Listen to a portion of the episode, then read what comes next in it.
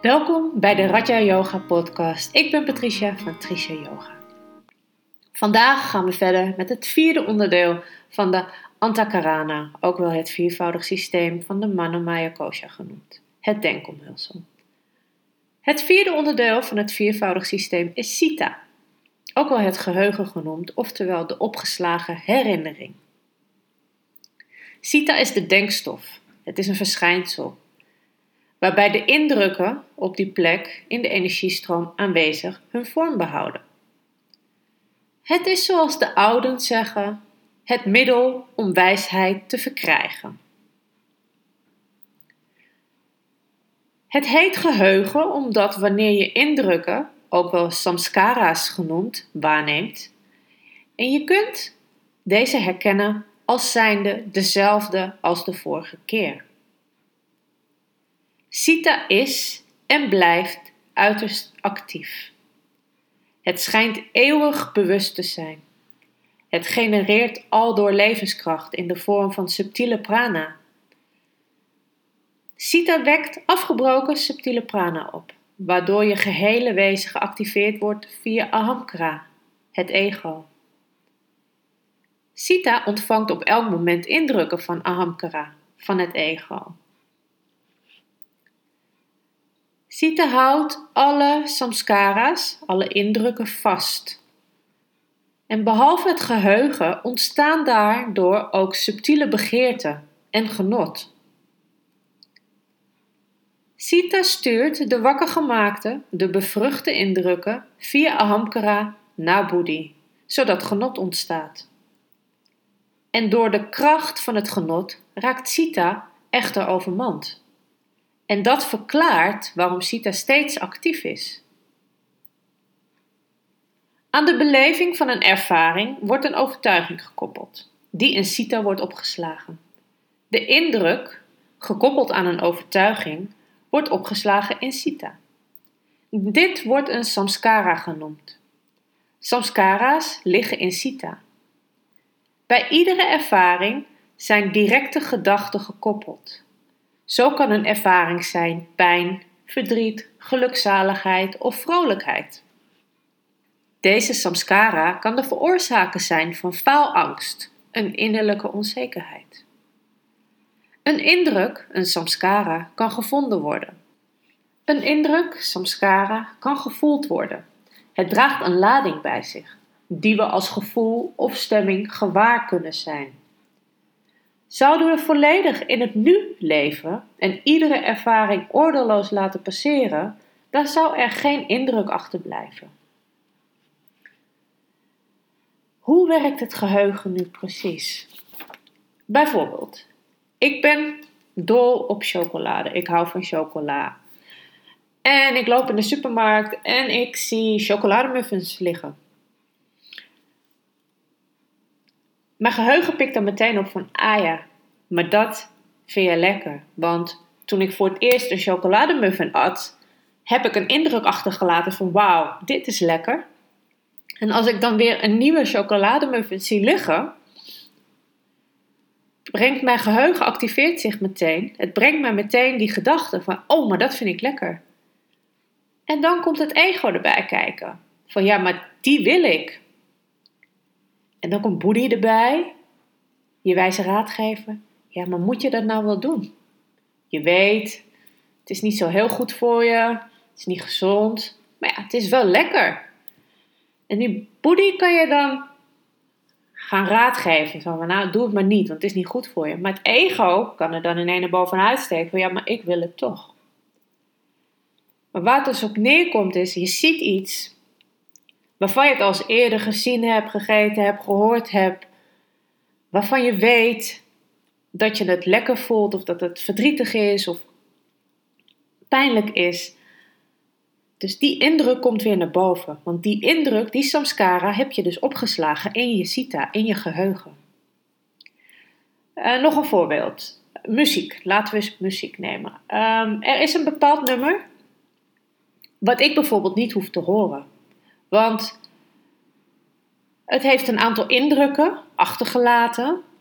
En als ik dat nummer dan weer hoor, word ik daar verdrietig van. Het is een pijnlijk moment. Dus wil ik dat nummer liever niet horen. En dan komt ook weer, je hoort het nummer, die, indruk komt naar boven vanuit het geheugen. En dan is er het ego van, hé, hey, ik wil dit nummer niet horen. Het is weer dat ik-persoon, ik wil dit niet horen. En dan heb je Boedi, de wijze raadgever, van, nou, misschien is het goed om er een keer naar te luisteren, want je moet uiteindelijk ook pijnlijke momenten, verdrietige momenten kunnen loslaten. En dat is hoe het hele viervoudige systeem werkt. Maar je hoort iets, je ziet iets, je proeft iets waarvan je al ooit eerder een indruk in het geheugen hebt achtergelaten en dat komt weer naar boven. En dat is hoe CITA werkt in samenwerking met je ego, met je gedachten en met je wijze raadgever. We sluiten deze podcast af met een korte meditatie. Ik herhaal zo een aantal woorden, waarvan jij er één uitkiest, die je meteen aanspreekt. Want bij dit woord wordt je geheugen getriggerd. Oké, de volgende woorden zijn ontwaken, verkennen, eenvoud, begrip, helderheid, humor, overgave, ondersteuning, respect, vrijheid, vrede, communicatie, creativiteit, transformatie, harmonie. Ik herhaal ze nog een keer.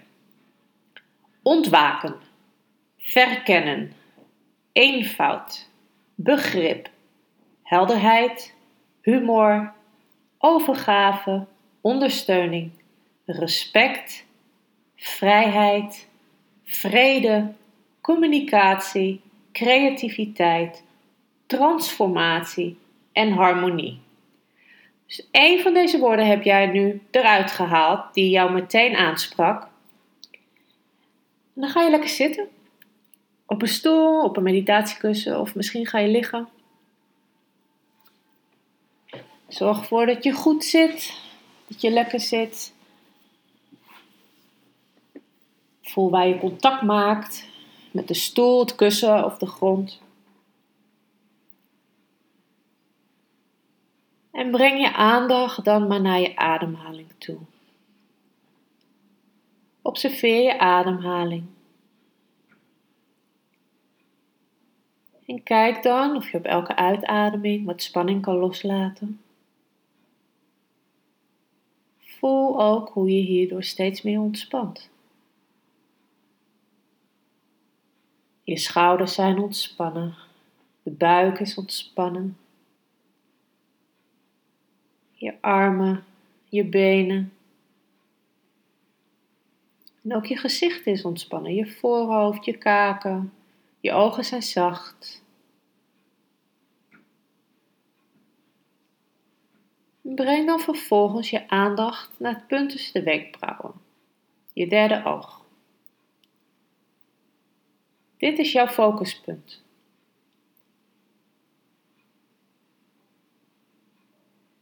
Iedere keer als je gedachten afdwalen, breng je je aandacht weer terug naar het punt tussen de wenkbrauwen. Terwijl je daar met je aandacht blijft, herhaal je het woord wat jij net eruit hebt gehaald. Uit die lijst die ik net heb opgenoemd, ga jij dit woord met de focus op het punt tussen de wenkbrauwen, blijf je dat in jezelf herhalen. En observeer wat er dan naar boven komt terwijl je dit woord voor jezelf in jezelf herhaalt. En zodra de gedachten weer afdwalen, breng je je aandacht weer naar het punt tussen de wenkbrauwen. En het woord blijf je in jezelf herhalen en je observeert wat er naar boven komt. En over vijf minuten zal je deze stem dan weer horen.